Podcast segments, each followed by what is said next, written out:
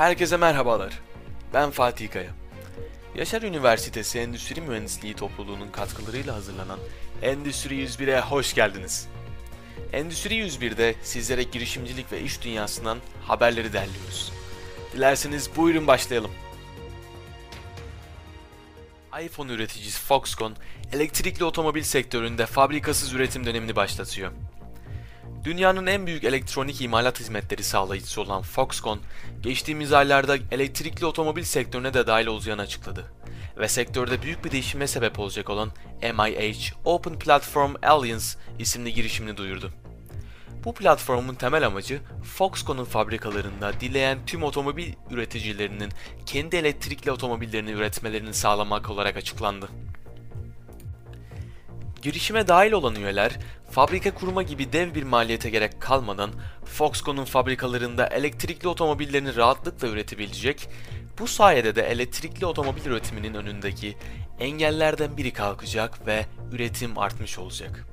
Elektrikli otomobil üretim sürecinin yaklaşık %80'lik kısmını Foxconn gerçekleştirirken, otomobil şirketleri ise araçların özelleştirilmesine yönelik tasarım gibi detayların dahil olduğu %20'lik kısım ile ilgilenecek. Yemek sepeti hacklendi. İnternet üzerinden yemek siparişi verilmesi fikriyle 2001 yılında kurulan ve milyonlarca kullanıcıya hizmet veren Yemek Sepeti hacklendi. Şirketin resmi Twitter hesabından yapılan açıklamaya göre veri tabanı bilgilerinin bir bölümü bilgisayar korsanlarının eline geçti. Getir 2.6 milyar dolar değerle unicorn oldu. Unicorn, girişimcilik dünyasında kullanılan bir tabirdir. Unicorn girişim olabilmek için en az 1 milyar dolar değerlemeye ulaşmak gerekmektedir. Online market teslimat uygulaması girişimi Getir, bundan yaklaşık 5 yıl önce kuruldu ve Türkiye'nin yatırım alarak unicorn değerine ulaşan ilk girişimi oldu.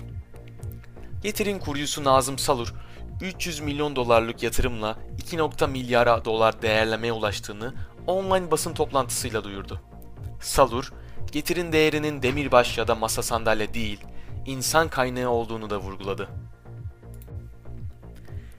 E-ticaret sektörü 4 kat hızlı büyüdü.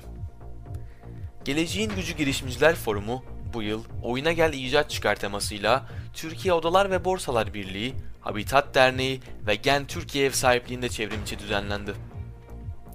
TOP Başkanı Rıfat Hisarcıklıoğlu, Türkiye'de e-ticaret hacminin geçen yılın ilk 6 ayında %64 arttığını aktardı.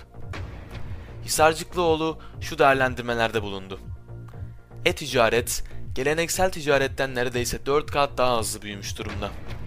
Eskiden e-ticaretin genel ticaret içindeki oranı %8'di. Şimdilerde ise bu oran %14'e ulaştı ve daha da büyümeye devam ediyor. Türk firmasından 46 ülkeye yerli üretim, atık teknolojileri ihracatı. Toplam değeri 70 milyon lira. Kademe Anonim Şirketi Genel Müdürü Kenan Çelik, global kriz ve salgına rağmen 2020'de bir önceki yıla göre yaklaşık %50'lik büyüme ve 150 milyon liranın üzerinde ciro elde ettik.